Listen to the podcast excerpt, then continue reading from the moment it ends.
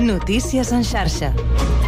Bona tarda, són les 4. Us parla Marc Ventura. Avui ha arrencat el ple d'investidura de Pedro Sánchez al Congrés dels Diputats. En la seva intervenció, el candidat socialista ha fet un discurs reivindicant la normalitat democràtica i ha defensat la llei d'amnistia. Ara és el torn del líder del, Popul del Partit Popular, Alberto Núñez Feijó, que està intervenint en aquests moments un debat que està seguint la nostra companya Mont Carvajal. Mont, bona tarda. Bona tarda. El president del Partit Popular, Alberto Núñez Feijó, ha dit que serà la veu de l'Espanya silenciosa que pretén Pedro Sánchez i ha negat ja el seu suport a la investidura, l'amnistia i al govern de coalició. No a Bildu, no a que unos pocos decidan por el conjunto, no a darle la espalda a más de la mitad de los españoles, no a una democracia recortada, no a la mentira, no a la desigualdad entre españoles Dicho de otro modo, no a Pedro Sánchez para seguir diciendo sí a una nación de ciudadanos libres e iguales. Després de Feijó, el candidat Sánchez pot replicar i a continuació intervindrà el líder de Vox, Santiago Bascal. Gràcies, Mont. Seguim pendents de la jornada i, de fet, han arribat les primeres reaccions al discurs del líder socialista. La portaveu del Vox al Congrés, Pepa Millán, en declaracions des del Congrés, evita valorar el contingut del discurs d'investidura de Pedro Sánchez perquè és, segons ha dit, un mentider i un colpista i l'ha titllat d'aprenent de Chávez i de tirar sense principis. Per altra banda, la portaveu del, de Sumar al Congrés, Marta Lois, ha valorat positivament el discurs de Sánchez en una roda de premsa posterior. No obstant, Lois ha assenyalat assegurat que hi calia més ambició i exigència. Tot i això, celebren que es parli d'amnistia perquè és el primer pas per un gran acord territorial. En clau econòmica, la Comissió Europea eleva dues dècimes fins al 2,4% la previsió de creixement del producte interior brut espanyol aquest any, però rebaixa l'increment dues dècimes per al 2024. En les previsions econòmiques publicades aquest dimecres, Brussel·les manté la previsió de taxa d'inflació per aquest any en el 3,6%, una xifra que la situa com la tercera més baixa de l'eurozona. Més notícies. La Generalitat, la Fundació TIC Salut Social i la Fundació I2CAT han presentat al laboratori 5G de les Terres de l'Ebre els resultats d'una prova pilot en l'àmbit de la salut i la 5G realitzada sobre dos casos d'ús. Són una ecografia mòbil i un sistema de monitoritatge de malalts crònics a domicili. I en els esports, el Centre d'Esports Sabadell ha fet oficial l'arribada de Carlos Rosende com a nou director esportiu del club fins a finals de temporada 2024-25. Notícies en xarxa. 4 i 3 minuts. Comença el Connectats.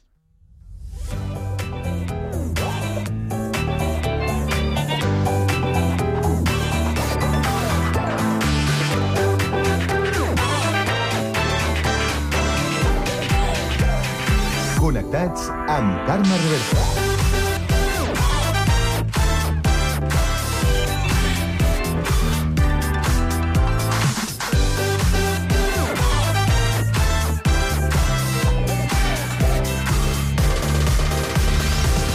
Molt bona tarda, salutacions i benvinguts al magazín de tarda de la xarxa, aquest connectats de l'àrea metropolitana de Barcelona, que fem Ràdio Sant Cugat, Ràdio Sabadell, la Ràdio Municipal de Terrassa, el Prat Ràdio, Ràdio Ciutat de Badalona i Ràdio Castellà.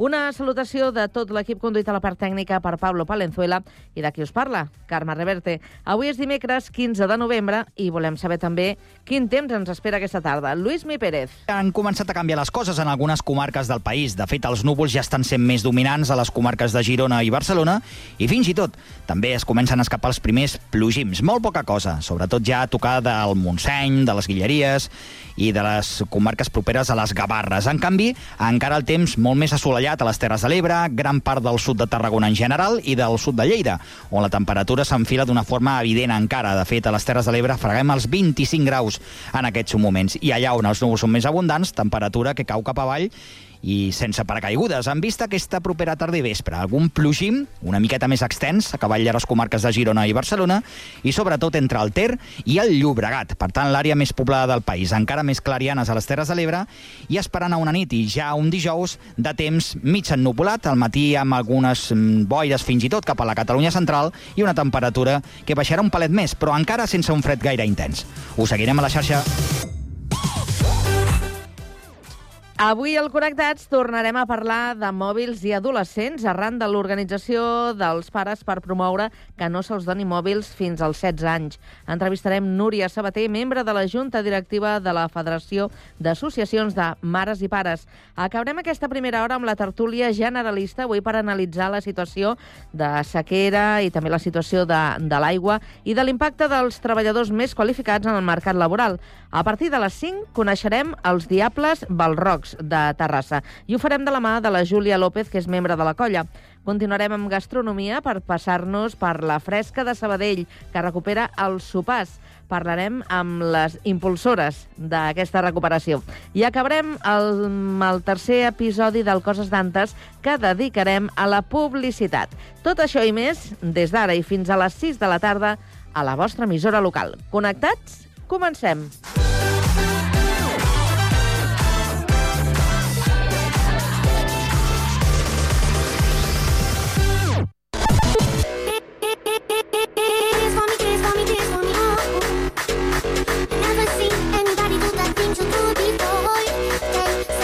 Connectats, una experiència radiofònica a Sabadell, Terrassa, Sant Cugat, El Prat, Castellà i Badalona.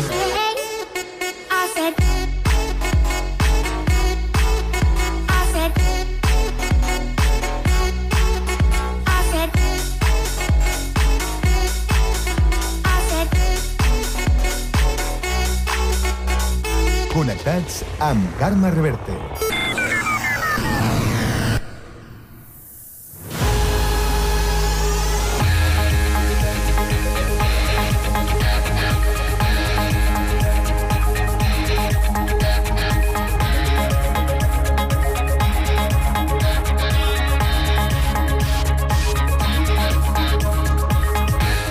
4 i 7 minuts ens actualitzem i ho fem amb la ronda informativa, que avui també obrim per Terrassa. Sergi Estapé, bona tarda. Bona tarda. Terrassa posa en marxa un projecte artístic amb joves reclusos del centre Amaris a Cielos del centre penitenciari de joves a la Roca del Vallès.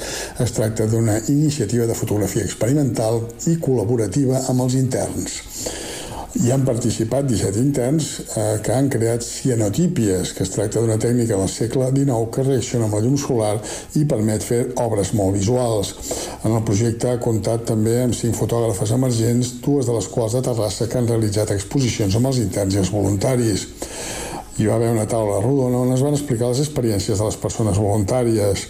Els tallers i la gestió del projecte estan coordinats per Carol Priego en col·laboració amb els Amics de les Arts i Joventuts Musicals i la Bíblia Intercultural. El projecte s'emmarca dins del festival Àlbum.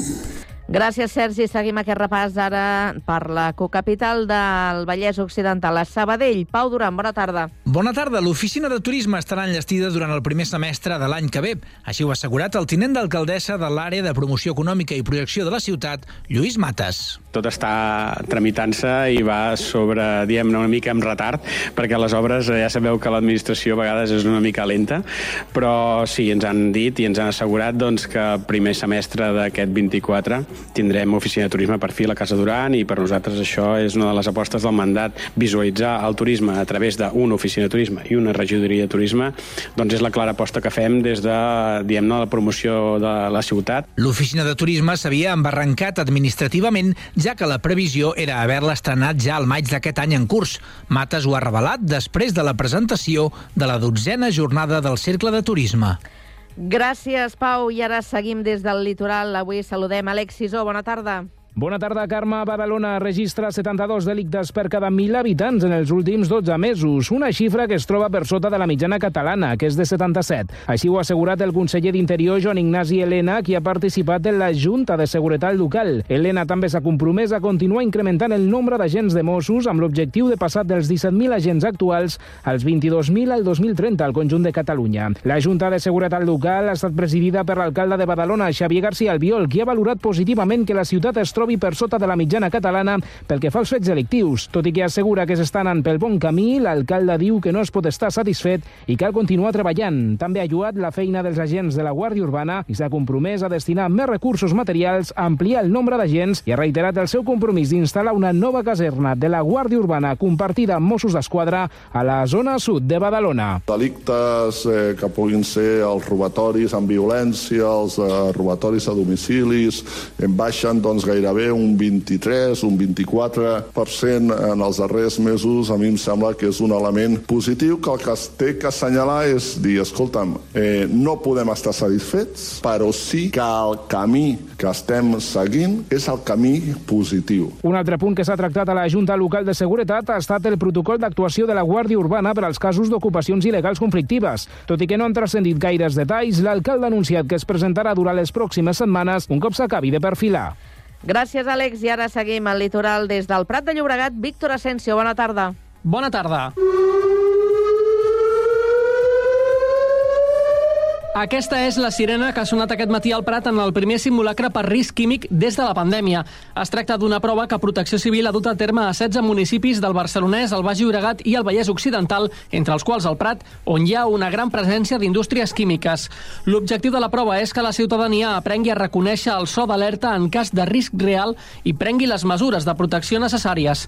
A més, el simulacre ha servit per provar el funcionament de les sirenes. En cas de risc químic, cal que us confineu, tanqueu portes i finestres i apagueu els sistemes de climatització. Una prova que ha conclòs gairebé una hora després que comencés amb el so de final d'alerta, que indica la tornada a la normalitat. Gràcies, Víctor. I ara del litoral tornem al Vallès, a Castellà. Guillem Plans, bona tarda. Bona tarda. Medalla d'or per Montserrat Ribas. L'escultora castellarenca ha rebut la medalla d'or de la Federació Universal de Passebristes, que l'entrega a persones que consideren que mereixen aquest guardó per la feina de promoció que fan en l'àmbit.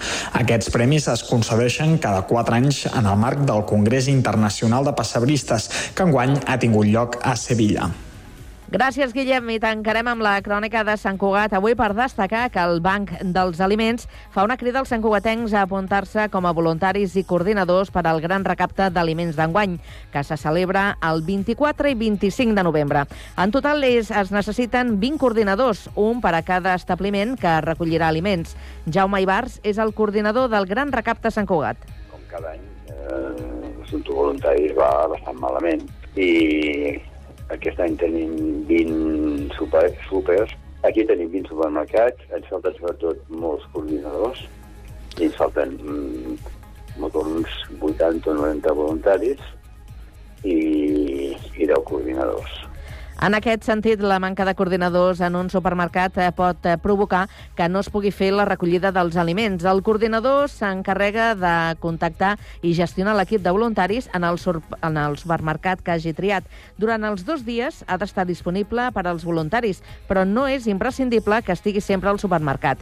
I ha de ser quan aquest obri i tanqui portes, així com en els canvis de torn dels voluntaris. Pel que fa als voluntaris, Ibars ha explicat que encara necessiten que s'apuntin 60 65 persones. Els voluntaris es poden apuntar a un o a més d'un torn de 4 hores i les seves funcions seran atendre els donants d'aliments, animar la clientela, informar sobre la funció del Banc dels Aliments i conscienciar sobre la situació de precarietat alimentària al país.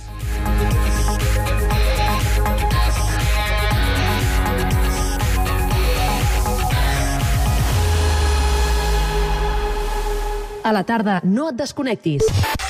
A la teva ràdio local, connectats. Can't touch this. Can't touch this.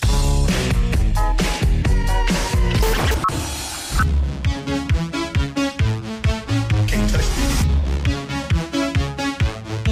Can't touch this. Connectats amb Carme Rebell.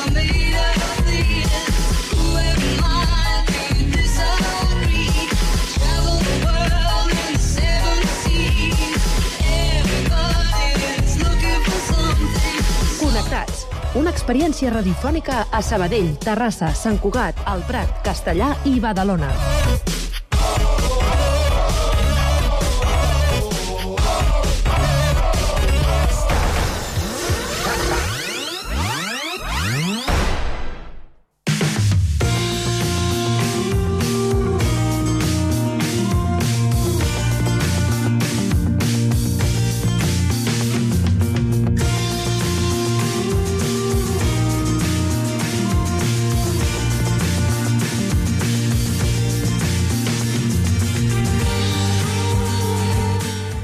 De pares i mares d'arreu de Catalunya s'han organitzat per promoure que no es comprin telèfons mòbils als adolescents fins als 16 anys.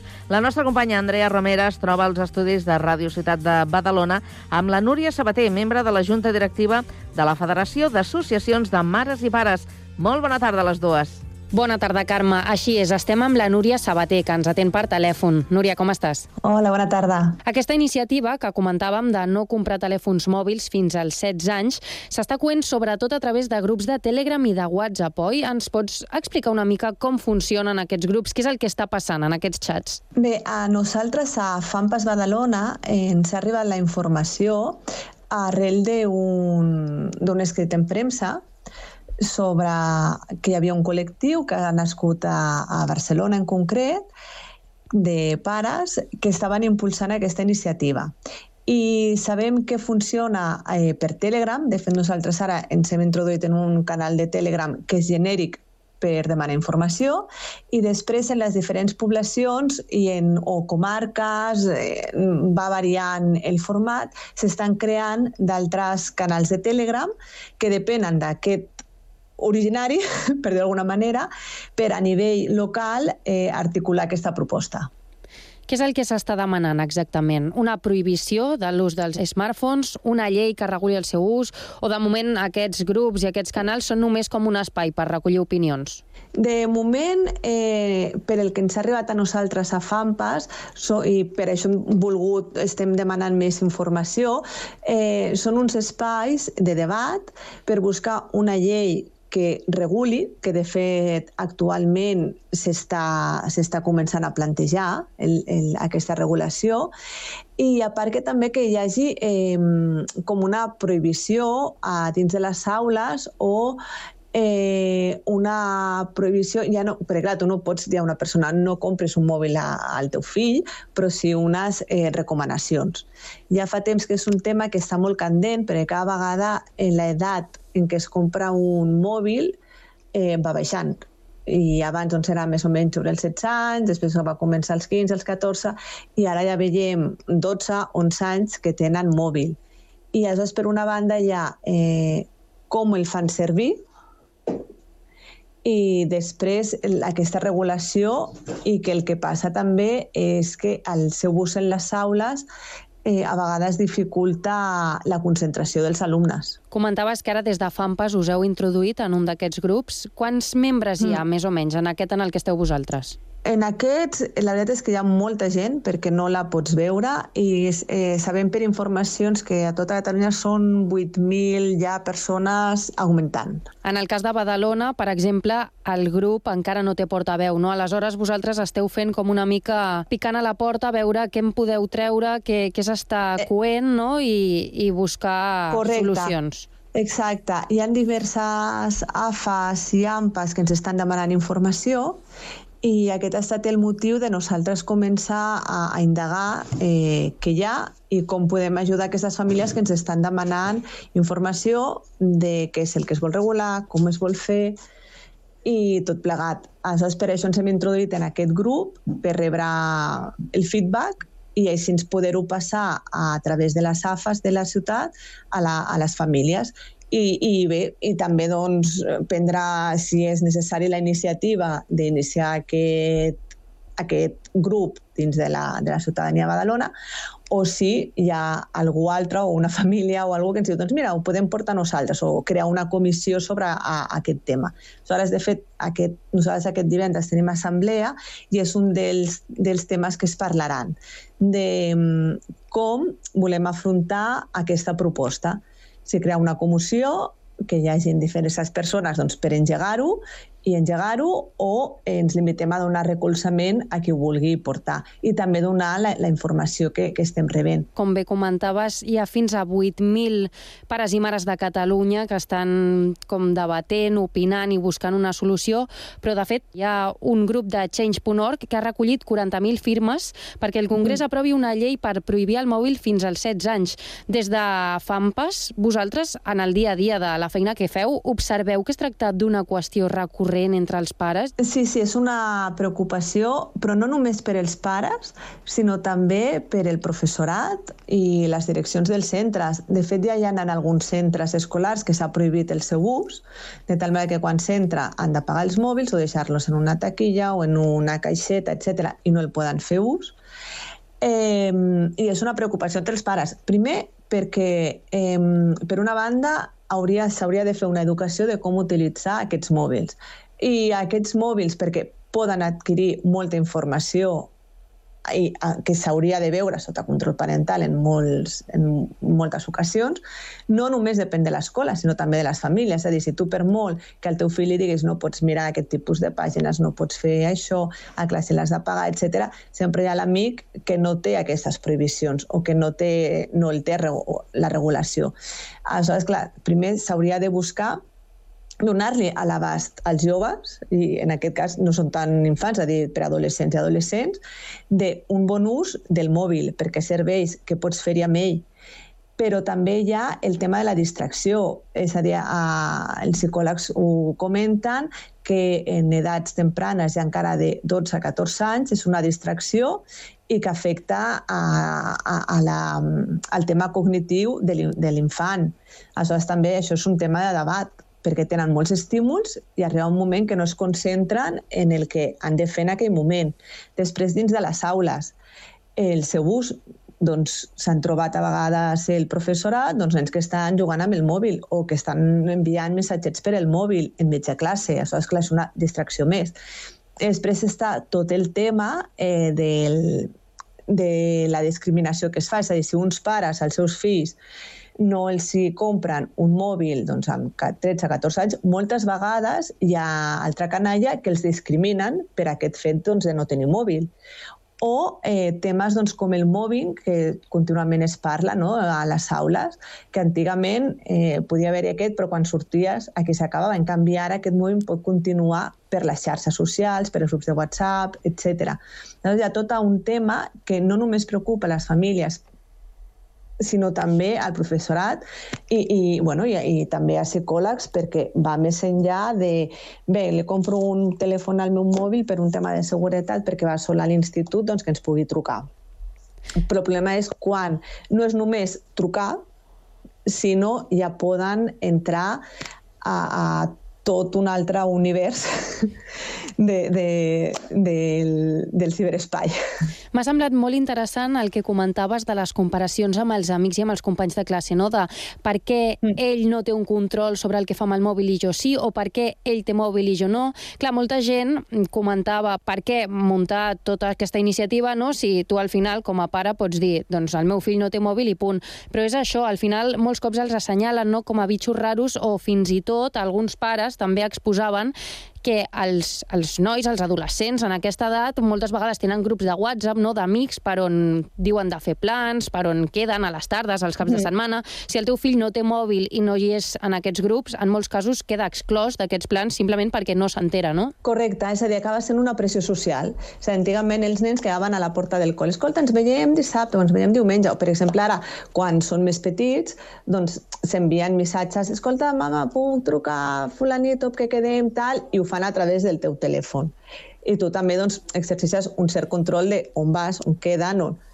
però en el moment que entren en aquest món del, del WhatsApp, de crear grups, aleshores aquests nens es queden exclosos en moltes ocasions. I a part la pressió social que exerceix sobre els pares i sobre l'infant que està contínuament eh, tu per què no tens mòbil? Eh, doncs és un amargat, o ets un marginat, o és que no t'estima, no... Bueno, comencen a sentir comentaris de tota índole i realment doncs, arriba un moment que es senten apartats. I clar, això eh, per què s'ha de regular? Doncs precisament perquè no s'hagi de patir aquesta pressió social per part eh, de les famílies que decideixen que no han de tenir un mòbil. També comentaves el tema d'alguns pares que se senten més segurs amb que els seus fills tinguin un mòbil, sobretot si fan extraescolars, per exemple, que arriben més tard a casa i passen més hores fora. Mm. Això pot arribar a portar confrontaments entre aquells pares que són molt partidaris de que els seus fills no tinguin mòbil i aquells de que sí que en són. Heu viscut algun enfrontament des de FAMPAS? Nosaltres de moment no hem vist cap, però sí que són dos posicionaments que es fan. És a dir, jo al meu fill li compro el telèfon mòbil doncs, perquè ara ja va sol al, a l'institut o va sol a l'escola o va a l'extraescolar i d'aquesta manera em pot trucar. I després està el, el, el pare que diu, a veure, eh, si passa alguna cosa, no, no arriba el nen a l'escola, t'avisaran. O si no... Nosaltres quan érem petits anàvem a tot arreu sols i no teníem aquest telèfon mòbil de que quan arribaves a classe eh, mama, he arribat a l'escola o arribaves a l'extraescolar mama, he arribat a l'extraescolar o papa, eh, arribaré més tard perquè i si no sempre, quin també és un problema. Antigament hi havia els telèfons públics, actualment no existeixen. Tu abans tenies un, un, un canvi de plans i podies anar al telèfon públic, ara doncs no. Però sempre troben una manera, doncs amb el telèfon d'un altre pare, amb un hi ha mil maneres. I, evidentment, aquest és un tema de confrontació. Però és el que diem, també hi ha molts tipus de mòbils i tu, si tu realment ho vols, doncs perquè el teu fill, quan arribi a un lloc, doncs li pots fer que només siguin trucades telefòniques o, o limitar l'accés a, a certes pàgines o a internet o etc. És a dir, hi ha moltes maneres de que aquest nenet pugui avisar o fins i tot ara hi ha canalla que porten uns uns rellotges que van lligats al, als telèfons dels i per allà poden enviar un missatge. Doncs he arribat i ja està. I, i no fer res més. És a dir, hi ha altres mètodes que no és necessari eh, comprar un telèfon i entrar ja a un món eh, més enllà, bueno, el que comentàvem, no? doncs els grups de WhatsApp, les pàgines d'internet, etc. Clar, en aquests casos també suposo que serà complicat, sobretot eh, quan parlem d'adolescents, que potser diuen jo perquè vull un mòbil, si no puc tenir Instagram, ni WhatsApp, ni res, només perquè tu em truquis i em tinguis controlat tot el dia, no? Clar, és que clar, per què el volen els adolescents? Doncs en part és per el tema de les xarxes. I aquí és on tornem a, a, a, a entrar en confrontació. És a dir, ara els adolescents doncs, ja volen tenir les seves xarxes socials, però és el que comentàvem, han de saber fer-ne ús d'aquestes xarxes socials. I un dia doncs, un professor ens, ens ho deia, diu, si tu a un fill li compres un telèfon mòbil, per molt que sigui el seu telèfon mòbil, qui paga la factura i que el compra ets tu, i has d'exercir un control sobre aquest telèfon per saber què fa, què deixa de fer, què publica, què no publica, eh, amb qui parla, amb qui no parla. Actualment doncs, es parlen doncs, de moltes notícies, fins i tot de pederastes doncs, que contacten a través de les xarxes fent-se pensar per infants, eh, amb, amb gent jove, per quedar, etc. Després es troben doncs, una, una altra realitat. O també és una manera eh, per, per assetjar a persones. És a dir, has de saber com utilitzar les xarxes i també com empoderar-te a les xarxes.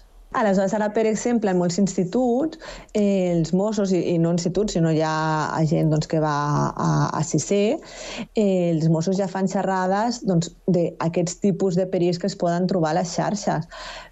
Però, clar, el problema és eh, fer-ne un bon ús i que hi hagi una regulació en el tema de les escoles. Ara que treus el tema de les escoles, abans comentaves que hi ha centres escolars que prohibeixen dur els telèfons mòbils a classe, però hi ha d'altres que, pel contrari, aposten per l'ús de dispositius, sobretot arran de la pandèmia, no? que les pantalles van entrar com de ple a la nostra quotidianitat.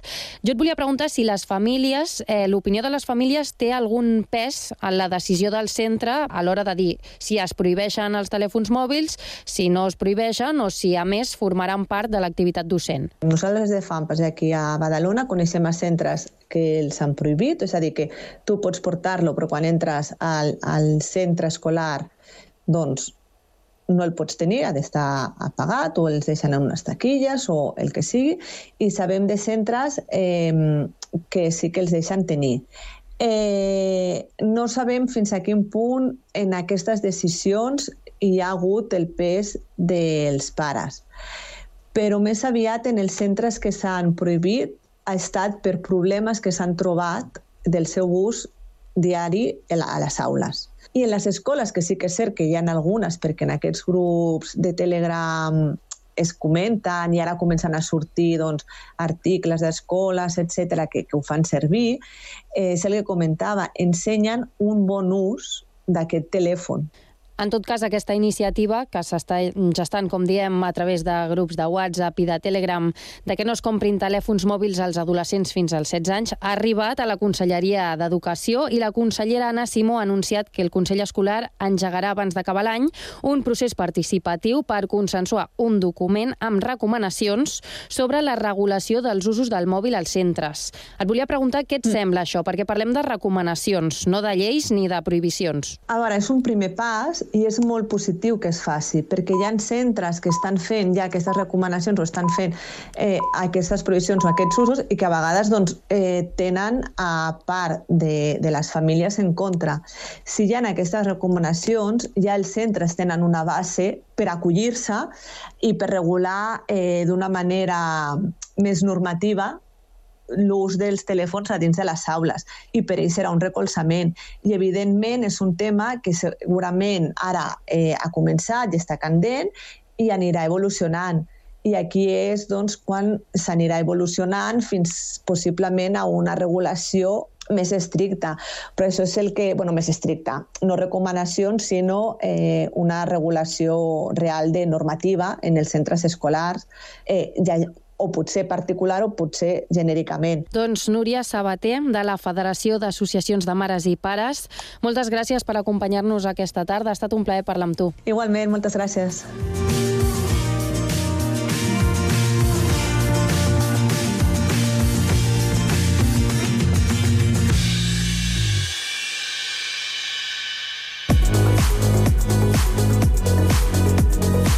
Cada tarda, de 4 a 6, Connectats. Una experiència radiofònica a Sabadell, Terrassa, Sant Cugat, Castellà, El Prat i Badalona.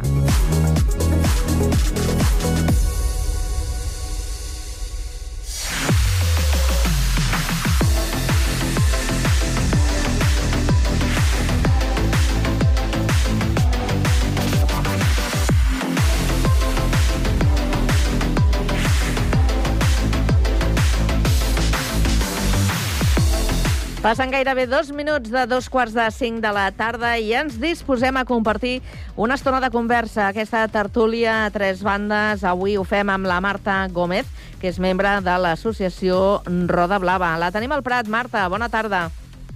Molt bona tarda. Què, Què tal? tal? Com estàs? Molt bé. Avui t'estrenes? Eh, no, és la meva segona, però ja fa molt de temps que vaig fer la primera. Per això no me'n recordo. Eh, per això, per això. Has de venir més sovint, eh? Has de venir més sovint. Bé, bueno, doncs, convideu. Sí, i tant. Uh, deixem que presenti la resta de tertulians d'avui. L'Agustí Bernat és advocat i el tenim via telefònica des de Castellà. Agustí, bona tarda. Hola, bona tarda a tots.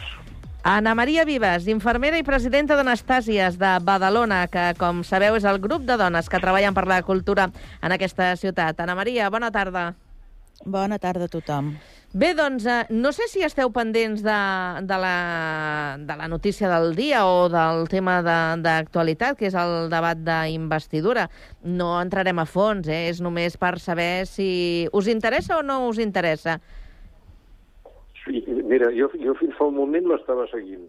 He vist aquest matí la intervenció del, del, del, candidat, del candidat a president, mm. acabo de veure la resposta que li he donat al, al, al cap de l'oposició i, bueno, i ara estic amb vosaltres. Molt bé. Està, està entretingut, no, Agustí?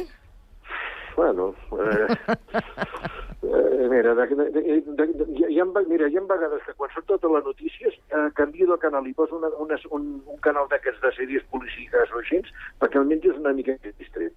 Ah. I la veritat, m'he quedat una mica decebut amb el, aquest de matí, però no sé, no... jo la, la política té un concepte molt més alt que, que el que he pogut veure. Mm, mm. Eh, Marta, tu l'has seguit? T'interessa o no el tema?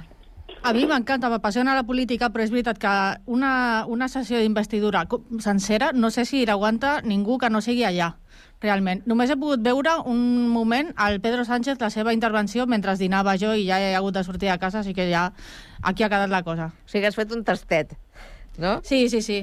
Mai millor dit. Literalment. I, Anna Maria, què, estàs al cas o no? Sí, sí, sí, estic al cas. Jo al matí treballava i, per tant, no, no, no ho he pogut seguir en directe ni molt menys, però mentre dinava doncs, he vist un, un, res, un tall de, de la intervenció de Pedro Sánchez i, i un tall de la intervenció de, del senyor Feijó i mm, ja n'he tingut prou. Però està, està sent una jornada, podríem dir que eh, tranquil·la, no? Eh, es Sí, preveia sí, sí. bastant més eh, convulsa o... Sí, jo, jo m'imaginava més... Sí. sí.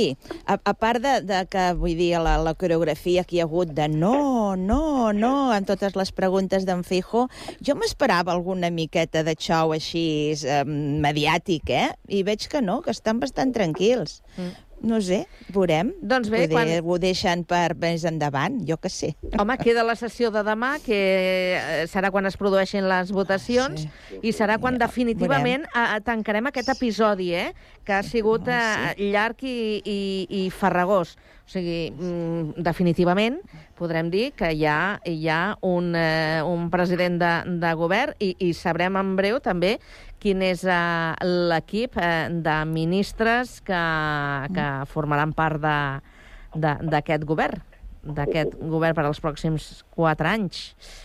Eh, si s'acompleixen els acords, eh? que ja han dit els partits eh, amb qui han pactat eh, que estaran vetllant perquè tot això tiri, tiri endavant. Bé, canviant de tema. Eh, Anna Maria, vam parlar no fa gaire de l'arbre de Badalona. A que sí? avui, avui hem de tornar a parlar, però hem de, de fer referència a aquesta canonada que en ocasions ja ha sortit eh, recurrentment en, a, la, a les tertúlies per Mhm. aquesta fuga d'aigua de, de, de milers de, de litres al dia, 180, és una pèrdua considerable, que a més, sumada als anys que, que, que, que va perdent, 17 anys. Estem parlant de molts litres d'aigua. Mm. Clar, ara hem sabut eh, que la intervenció finalment eh, que, que es pensa fer per solucionar el problema eh, es, eh, es licitarà a principis del 2024. Sí. Val?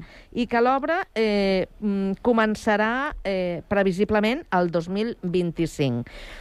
Jo us faig una pregunta. Davant d'una situació com l'actual, amb aquesta situació de- de- de- de- d'emergència eh, pel tema de, de la sequera i aquestes noves restriccions que es preveu que eh, anunciarà el govern a partir de, de dimarts, eh, no hi hauria una manera de, de tenir uns procediments d'emergència o d'urgència que eh, acceleressin tot, tot aquest procediment? Ja sé que, que les coses necessiten el seu temps i construir una nova canonada, que és el que s'ha de fer, eh, en paral·lel per poder tallar el subministrament d'aquesta que està afectada, però mm, ens podríem saltar alguns protocols, eh, dic saltar o, o, o, o accelerar?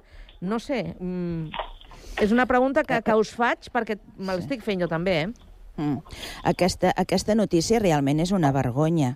Vull dir, és perquè, ja et dic, eh, fa, fa 17 anys que està, que està això, és, vull dir, denunciat per, per la pròpia ciutadania. Mm, Una, una canonada paral·lela que ara la tenen que licitar durant un any que fins al proper any no començaran unes obres sense dir quin mes, vull dir que pot tranquil·lament ser el novembre del 25 començar les obres.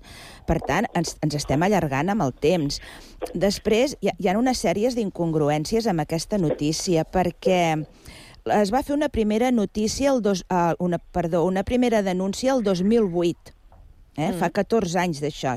I la Fiscalia, que és la que ho va portar-ho, eh, el cas, el Tribunal Superior de Justícia de Catalunya va arxivar la denúncia perquè la fuita no suposava un risc pel medi ambient. Per tant, que fa ja 14 anys que un tribunal de justícia de Catalunya diu no, aquesta, aquesta fuita no té cap importància, vull dir, aquesta denúncia que han fet els ciutadans, això és, ho arxivem i a fer punyetes. Mm? És, és el que parlàvem una altra vegada aquí amb, amb companys, que ara no recordo qui Mm. eren, que anem tard, no? Anem tard a, a solucionar les coses en aquest país. No sé el per què, però vull dir, l'administració és molt lenta amb sí, tot. però precisament Però, clar, per, per aquesta però- lentitud, eh, mm, Clar. Jo, jo pregunto, eh, mm, Agustí, no hi hauria eh, una manera de, de, de fer uns procediments més àgils, més ràpids, tenint en compte la situació? Pues, m'en- m'enca- m'encantaria poder-te dir que sí, però és que malauradament, eh, a veure, tenim un sistema legal hipergarantista, que té una sèrie d'avantatges, perquè com a mínim s'intenta mm, a veure, ha dit, mira, seria molt fàcil això de dir, mira, hi ha aquest problema, ara contractem aquesta empresa, vinga, que ho arregli. I acusacions de compadrió i coses per l'estil sempre podrien haver-hi. Resultat, s'ha de seguir un procediment.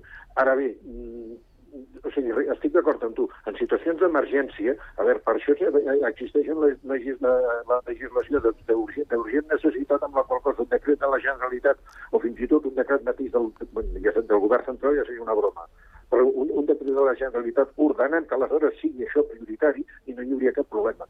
Però hi ha un altre problema de per entremig, per lo que m'he pogut documentar de la, de, de la situació aquesta, mm. clar, és, si comencem a veure de que per una banda hi ha l'Ajuntament, per una altra hi ha la Generalitat, per una altra pot haver la Diputació, i ja hi som.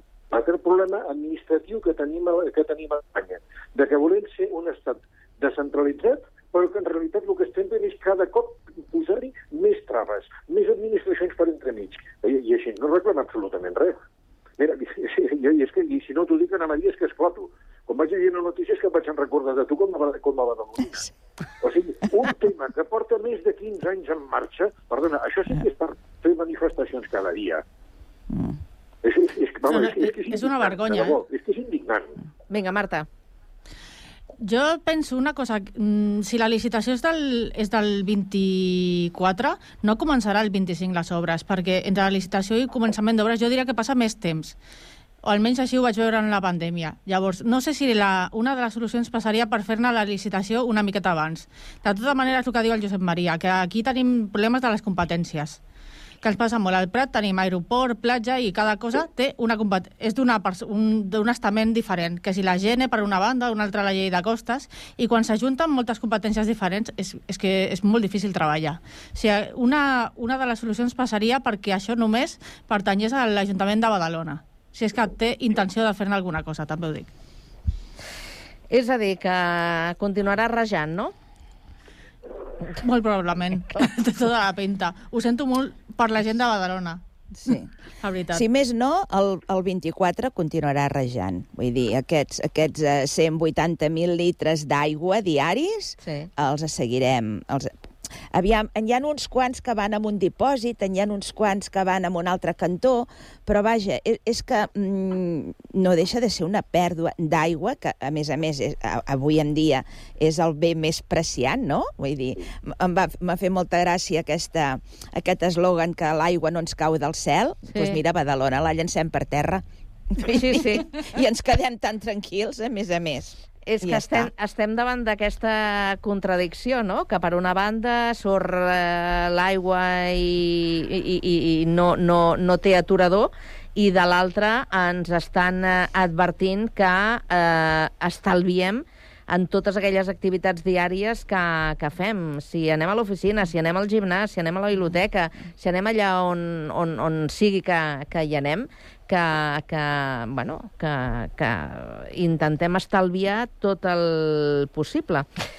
Clar, són contradiccions d'aquesta situació que, que no ens ve de nou, que ja fa dies que, que en parlem, però que, que encara no es veuen clares les situacions, ni a l'hora de solucionar el tema de la canonada, ni a l'hora de, de, de, de veure com, com ens subministrem eh, eh, aquesta necessitat que tenim eh, d'aigua i que cada vegada ens diuen que hem d'estalviar i hem de gastar, i hem de gastar menys.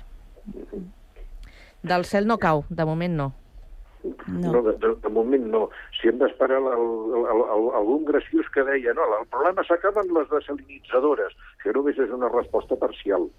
Però, mira, un, un, ja et dic, llegint tot el, tot el que he pogut sobre, sobre la notícia aquesta, llegiré moltes més informacions, eh, fa molts anys vaig llegir que al Japó se, eh, se, es començava a instaurar el dipòsit d'aigua- d'aigües grises que Sí, deien sí. que, per exemple, l'aigua l'aigua producte de la, de la dutxa després la feia servir per regar o la feia servir per rentar els plats, per exemple.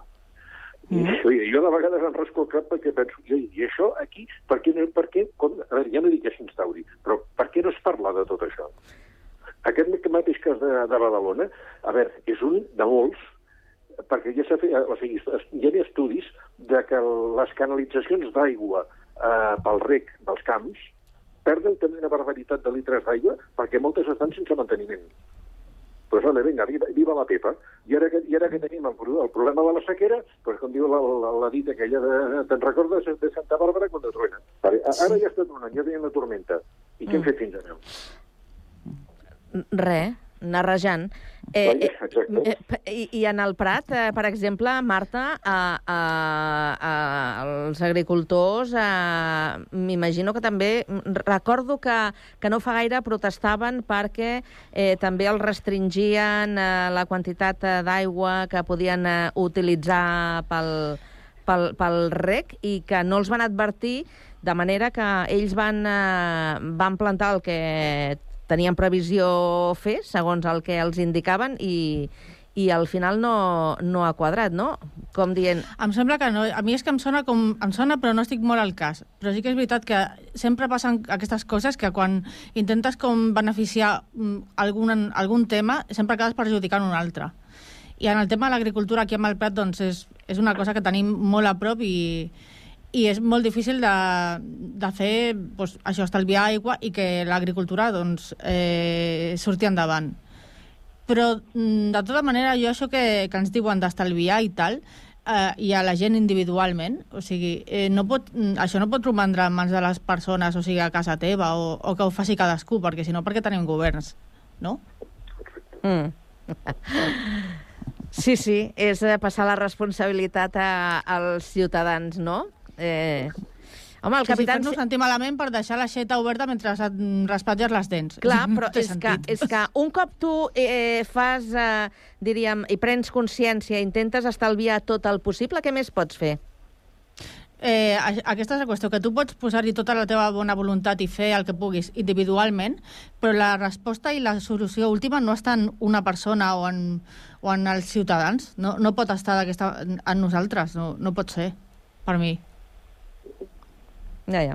És que sempre l'acció la, que pugui fer la ciutadania sempre és parcial. A veure, o hi ha, o hi ha la grandíssima sort. Mira, jo, jo que visco a Castellà del Vallès, els 25 els 25.000 habitants ens conscienciem tots alhora i aleshores tots decidim estalviar, oi, perfecte. Sí, i, I també ens pot tocar la loteria primitiva demà, que és dijous. Si compres, eh? A, a, a més a més. Això sí, compres.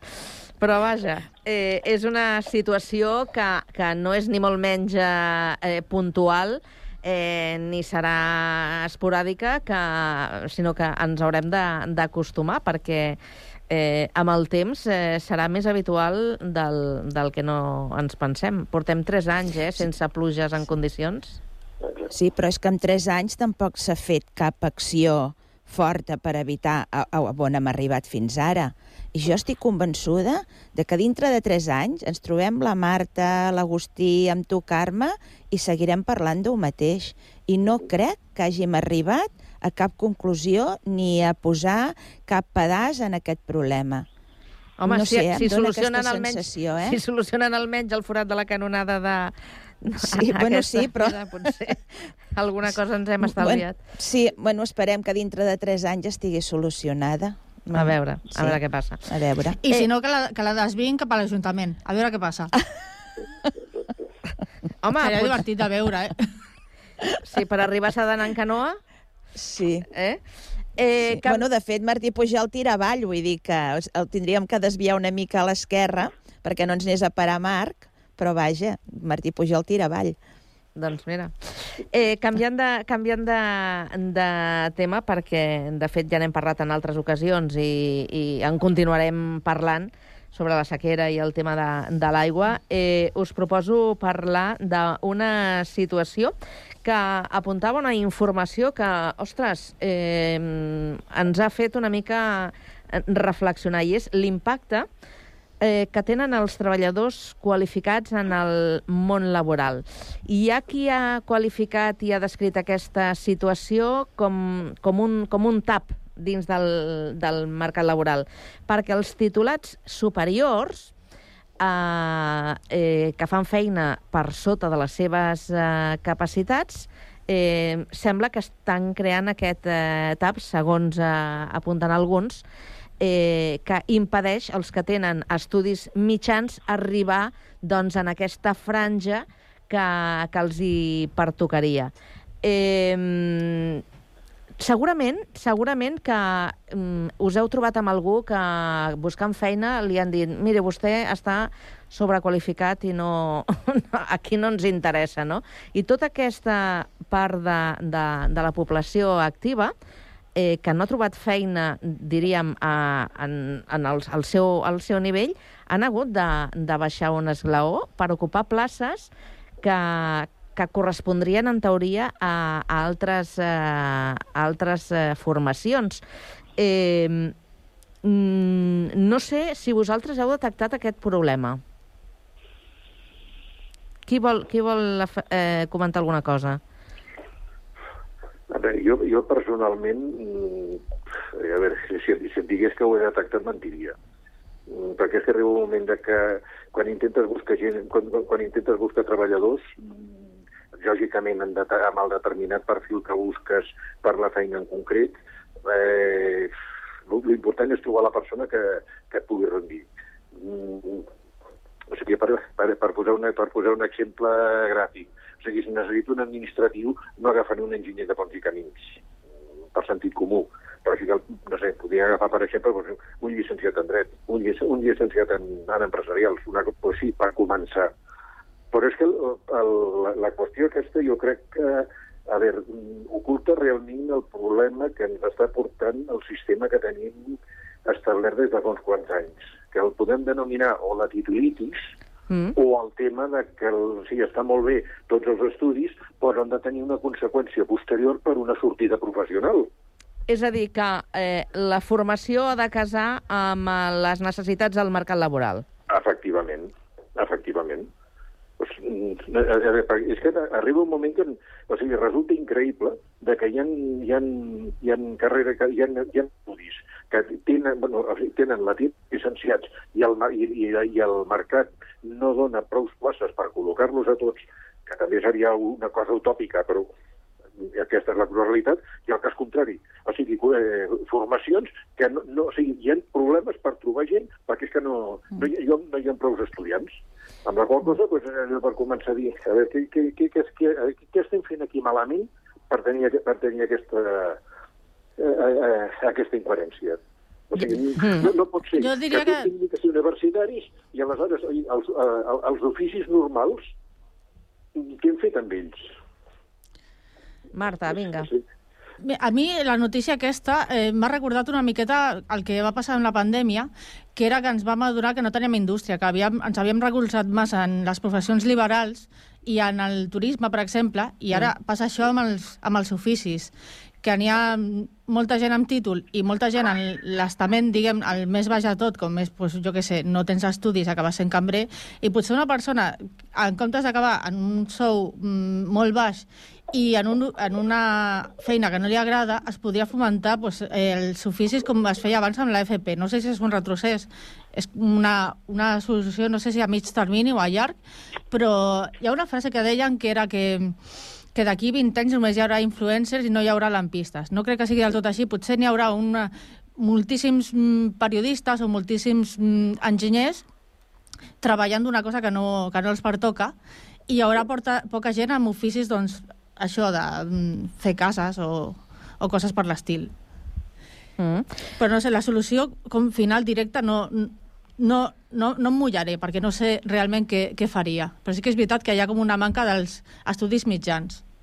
I titulitis ja, Anna Maria, o com ho veus tu, el que estàvem comentant? Jo, en, el meu, en el meu món laboral, clar, realment, vull dir, el que és enfermer necessita el seu títol, el que és metge necessita el seu títol i el que és psicòleg necessita el seu títol. Això és així. I les auxiliars necessiten estar formades. Per tant, aquí sí que no hi ha... No, el metge no pot fer d'auxiliar i la psicòloga no pot fer de- d'educadora. Eh, el que sí que, mm, el que comentava l'Agustí, de que no, no es correspon els estudis amb el, amb el que és l'oferta de mercat laboral, nosaltres ara ens hem trobat que estàvem buscant terapeutes ocupacionals i no n'hi ha.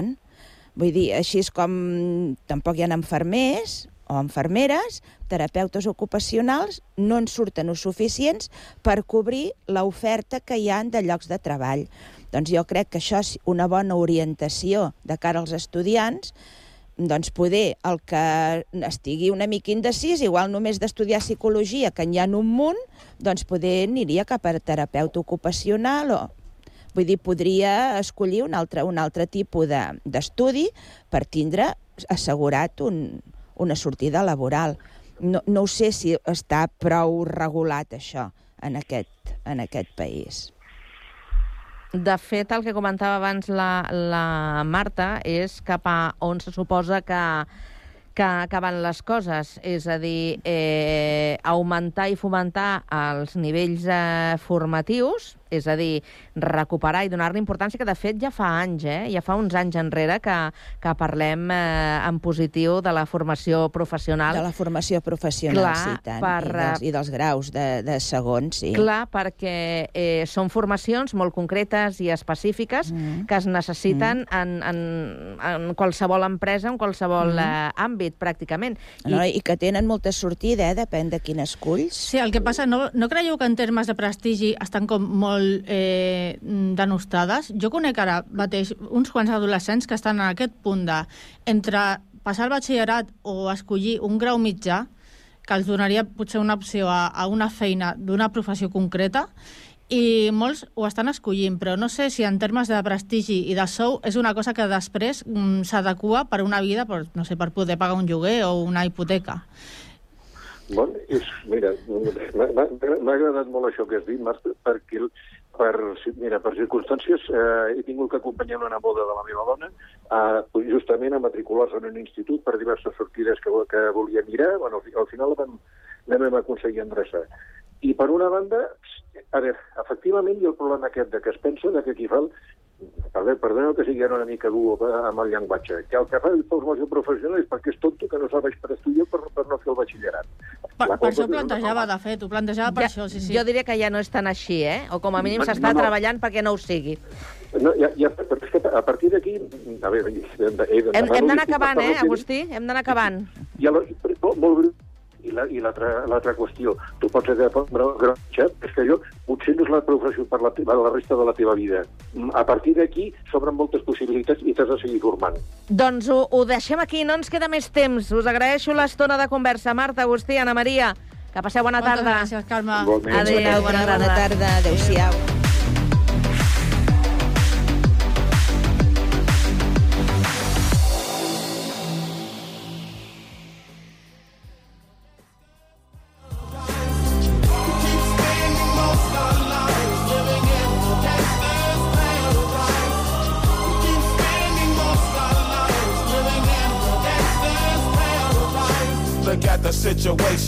got me facing. I can't live a normal life. I was raised by the street, so I gotta be down with the hood team. Too much television watching got me chasing dreams. I'm an educated fool with money on my mind. Got my tin in my hand and a gleam in my eye. I'm a loped out gangster, set tripping banker. And my homies is down, so don't arouse my anger. Fool, death ain't nothing but a heartbeat away. I'm living life, do or die. What can I say? I'm 23 now, but will I live to see 24? The way things is going, I don't know. Tell me why are we so blind